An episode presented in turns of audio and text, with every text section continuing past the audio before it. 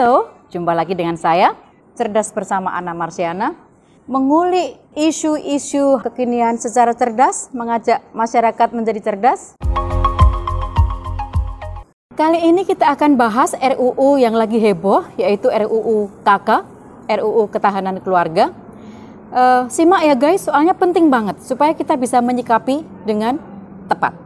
Apa itu RUU KK atau RUU Ketahanan Keluarga? Adalah RUU yang katanya disusun untuk mengupayakan ketahanan keluarga agar keluarga Indonesia menjadi tangguh. Bahasanya sangat positif, tapi isinya tunggu dulu karena isinya sangat luar biasa diskriminatif, sangat luar biasa um, mengkriminalisasikan, berpotensi mengkriminalisasikan uh, perempuan, lalu teman-teman kita yang uh, orientasi seksualnya berbeda dengan hetero dan yang gendernya uh, tidak ada di dalam binari laki dan perempuan. Karenanya betul-betul harus kita sikapi. Nah, supaya kita bisa menyikapi, kayaknya penting dulu deh siapa mengetahui siapa yang mengusung RUU ini di DPR. Ya, yang pertama saya sebutin deh, saya baca supaya nggak salah. Ada lima orang yang mengusung RUU ini agar masuk ke prolegnas atau program legislasi nasional 2020. Tiga orang perempuan dan dua orang laki-laki. Yang pertama saya baca aja, Hajah Ledia Hanifa SSI MPSIT dari fraksi PKS. Yang kedua, Dr. Hajah Neti Prasetyani SSMSI juga dari fraksi PKS. Yang ketiga, Hajah Endang Maria Astuti SAG SH MH dari fraksi Golkar. Yang keempat, Dr. Insinyur H. Sodik Mujahid MSC dari fraksi Gerindra. Yang kelima atau terakhir, Dr. M. Ali Tahir SH M. Dari fraksi PAN. Jadi um, lima orang ini yang mengusulkan dan e, menggolkan RUU KK ini sehingga masuk ke prolegnas 2020 2020. Oke. Kita cek satu persatu ya. Oke. Kita mulai dengan yang pertama. Cacat pikir, cacat logika. Kenapa? Karena dalam pembahasan tentang latar belakang e, tentang pentingnya RUU Ketahanan Keluarga ini dikatakan eh, yang menjadi pergumulan sehingga melahirkan RUU ini adalah kondisi saat ini di mana ini saya baca katanya yang pertama eh, angka kematian ibu yang melahirkan masih tinggi. Angka kematian perempuan secara umum masih tinggi, yaitu disebutkan eh, angka kematian ibu 350 per 100 ribu. Eh, ibu-ibu yang melahirkan. Begitu juga angka kematian anak masih tinggi. Angka kekerasan perempuan masih tinggi.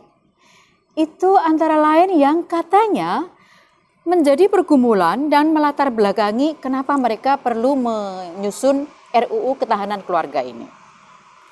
Tapi saya katakan pergumulan ini yang yang dikatakan melatar belakang ini cacat pikir. Kenapa cacat pikir?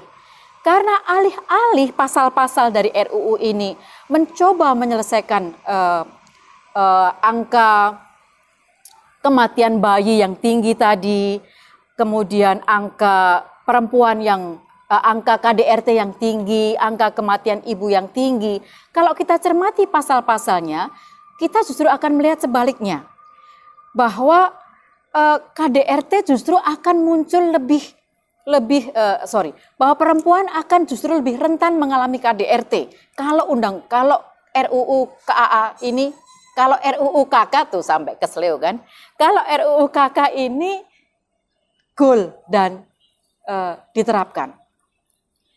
Um, mengapa? Karena di RUU KK itu diatur dengan sangat jelas tentang pembagian tugas gender division labor atau pembagian tugas yang berdasarkan uh, perbedaan gender yang tegas, laki-laki di luar, perempuan di dalam.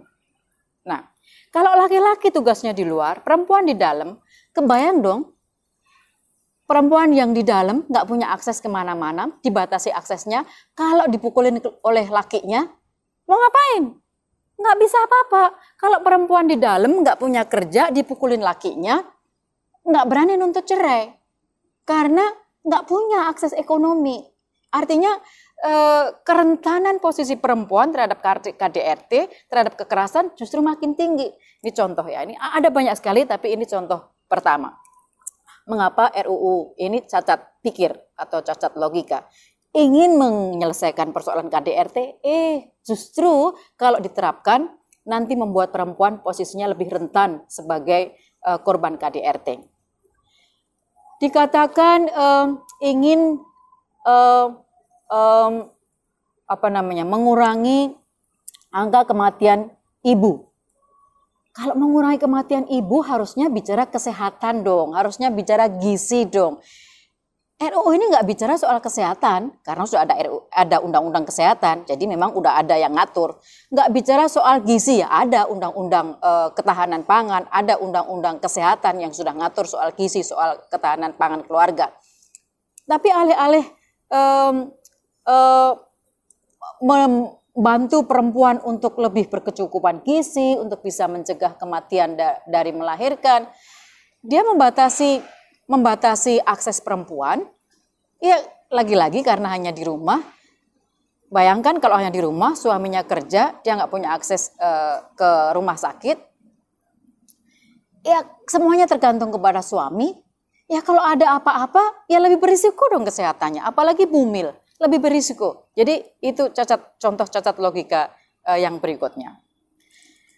Contoh cacat logika dan cacat pikir berikutnya adalah uh, di penjelasan uh, yang saya baca katanya pengaturan ketahanan keluarga dimaksudkan untuk mewujudkan amanat konstitusi Undang-Undang Dasar tahun 45 khususnya terkait dengan hak warga negara, terlebih khusus lagi pasal 28H ayat 1. Apa bunyi pasal 28H ayat 1? Saya baca. Setiap orang berhak untuk membentuk keluarga, e, menindaklanjuti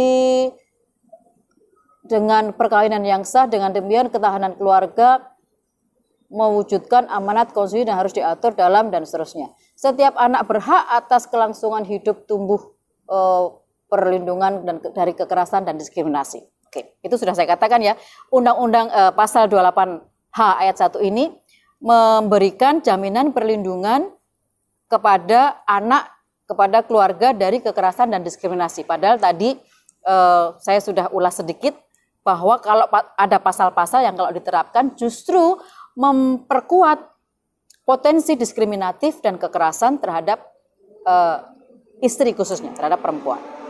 Yang kedua juga dijelaskan katanya RUU ini diharapkan bisa memenuhi pasal 28 eh, C dan G tentang setiap orang berhak atas pekerjaan yang layak berhak mendapatkan pendidikan dan memperoleh manfaat dari ilmu pengetahuan, seni, budaya demi meningkatkan kualitas hidupnya. Itu yang C. Kemudian yang G dikatakan 28G.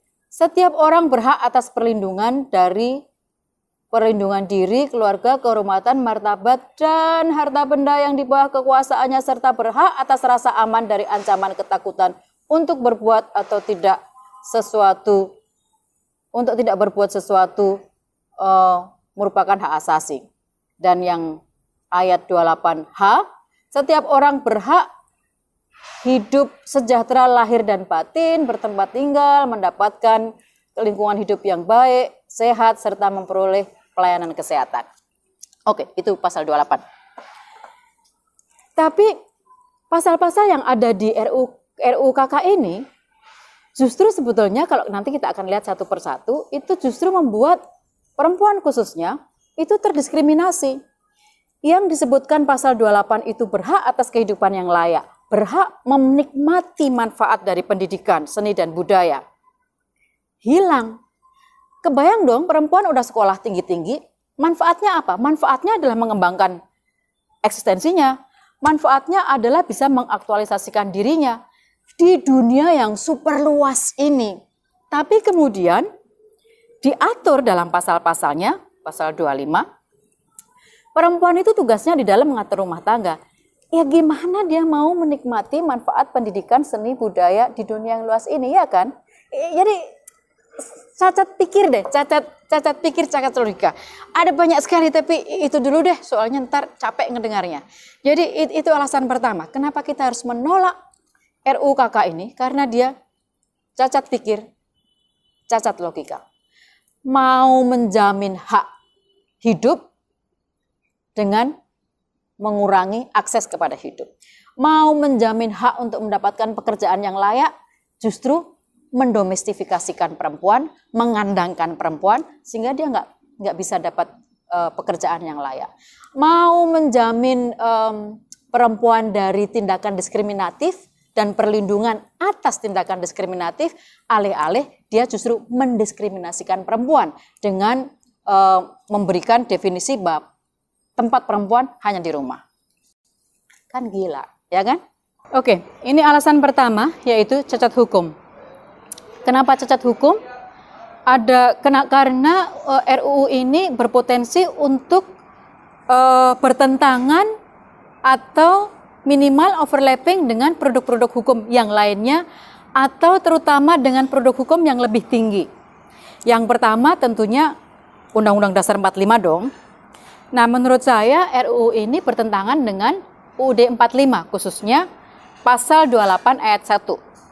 UUD 45 pasal 28 ayat 1 berbunyi bahwa setiap orang bebas dan bebas dari perlakuan diskriminatif atas dasar apa pun dan mendapat perlindungan uh, terhadap perlakuan diskriminatif.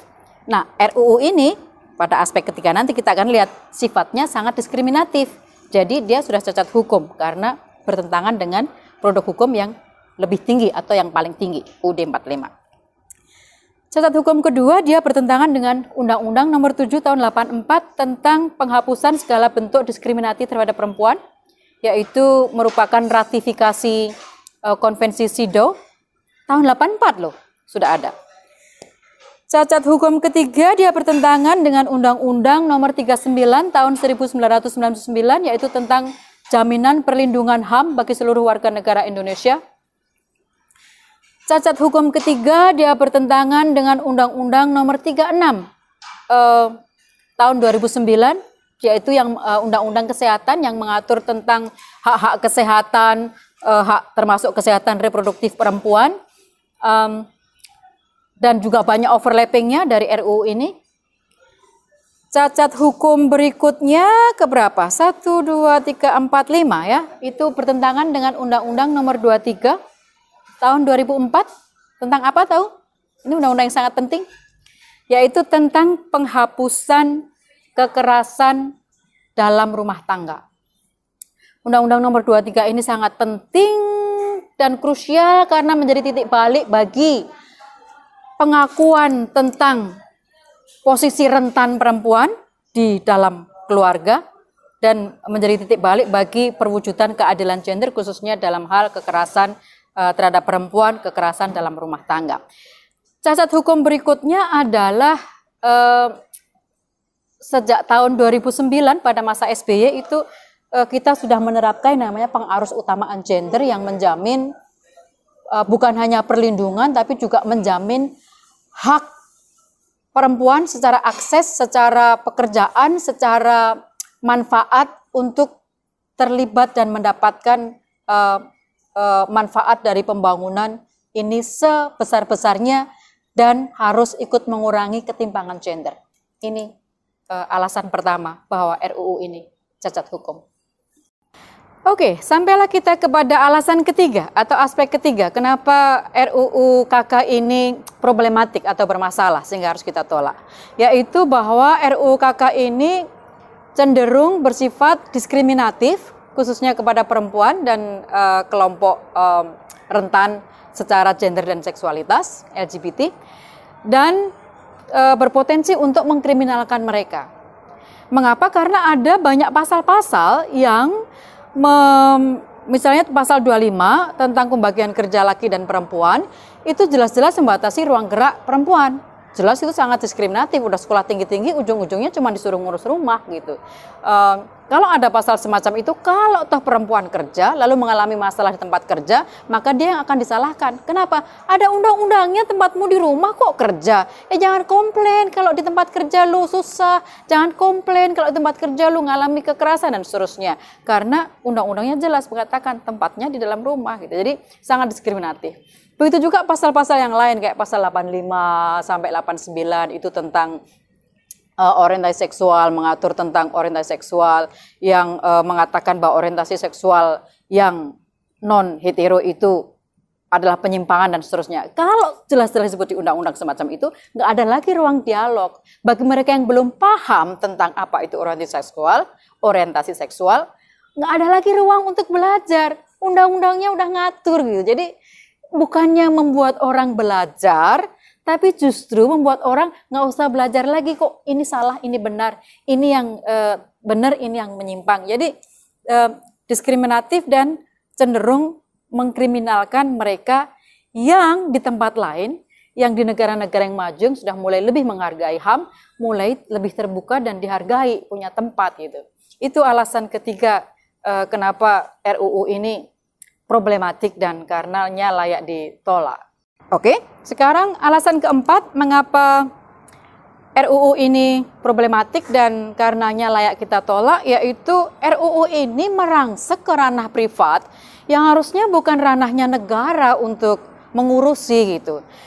Tempat tidur itu urusan privat, jadi jangan diatur oleh negara, masya Allah. Negara mau pasang CCTV di setiap kamar orang, lu mau kamar tidur lu dipasangin CCTV untuk dilihat gimana cara lu lagi making love-nya mau kayak apa, kayak nungging, kayak lu mau. Terus kemudian ya itu ranah privat gitu ya. Uh, juga tentang ranah privat yang lain yang sangat basic adalah ini juga ngatur soal bagaimana penentuan pengaturan kamar anak-anak, bagaimana pengaturan kamar orang tua, kamar kamar anak yang laki, yang bagaimana kamar anak perempuan, bagaimana mereka dipisahkan. Ya ini ranah privat, nggak semua orang punya privilege untuk bisa ngatur kamar mereka. Kayak apa kamarnya diatur harus pisah dan seterusnya. Ini ranah, emangnya negara mau membuatkan rumah untuk semua penduduknya? Enggak kan? Ini Eh, itu deh, itu alasan keempat, yaitu dia dia merangsek ke ranah privat yang yang harusnya nggak diurusin negara. Contoh ranah privat lain itu misalnya pasal uh, cek dulu ya, pasal eh, 31 tentang tentang um, pelarangan donor sperma dan pelarangan donor ovum dan pelarangan uh, surrogate mom apa surrogate mom itu um, perempuan untuk meminjamkan rahimnya kepada perempuan lain yang oleh berbagai kondisi nggak bisa nggak bisa mengandung dan punya anak.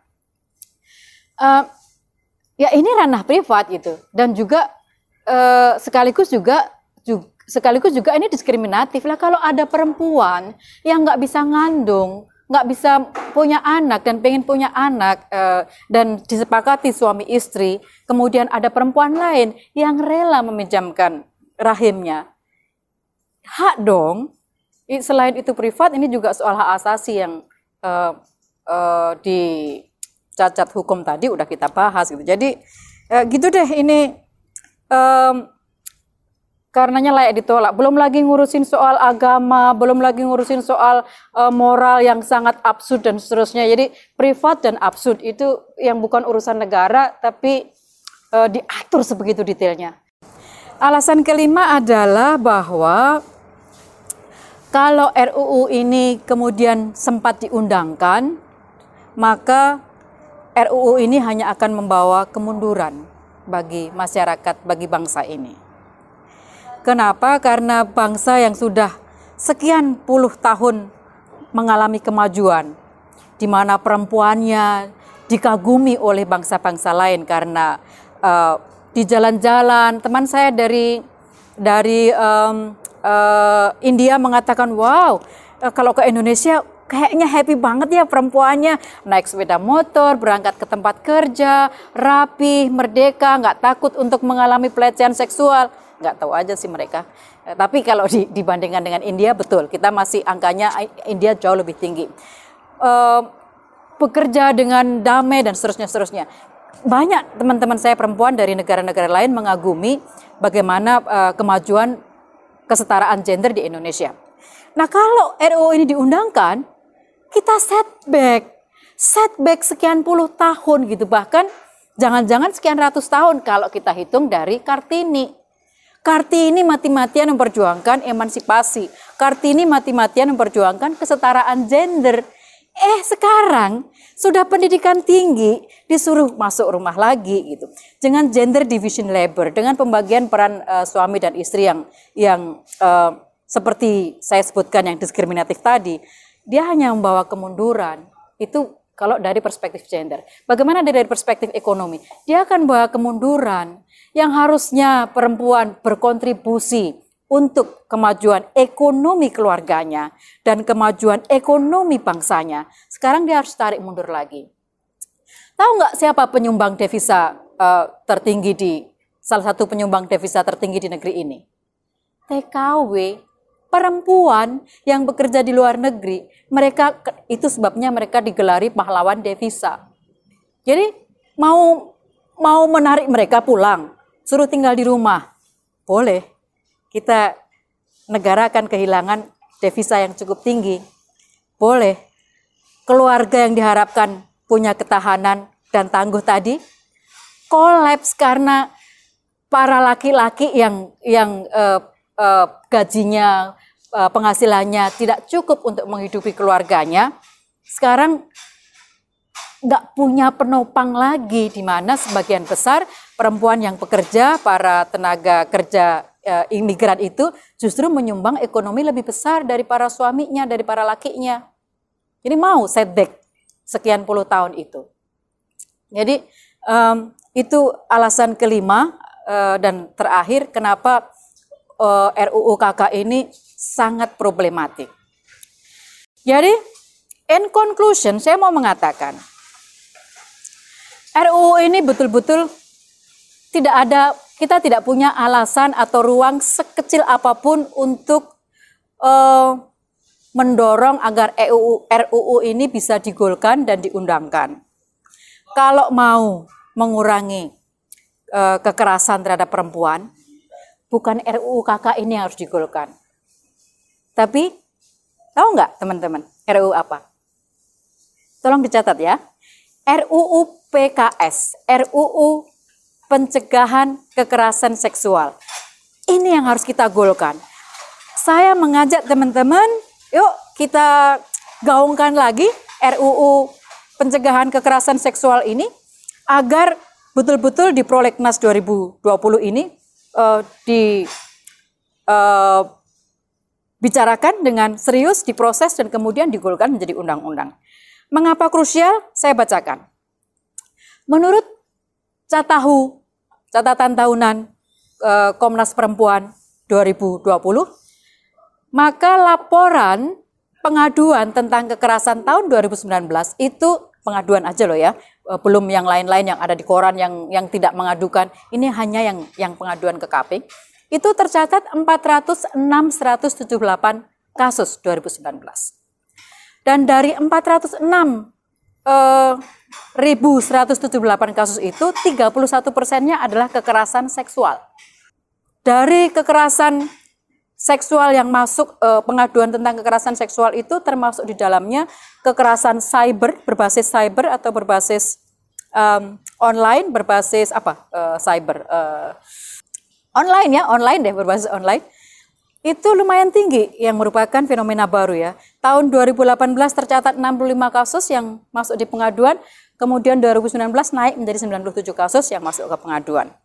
Nah, trennya naik.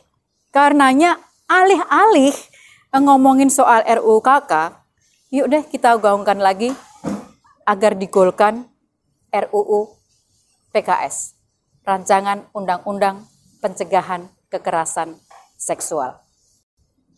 Oke, teman-teman, kayaknya cukup ya lima alasan tadi um, untuk membawa membawa kita memahami tentang RUU KK ini, rancangan undang-undang ketahanan keluarga ini um, yang ternyata sangat problematik dan karenanya layak ditolak. Jadi harapan saya semoga bahasan kita mencerdasan kita. Semoga channel ini mencerdaskan teman-teman semuanya dan karenanya terus ikuti supaya saya bisa membuat konten-konten berikutnya yang lebih bermanfaat dan lebih berkontribusi mencerdaskan bangsa Indonesia. Sampai jumpa.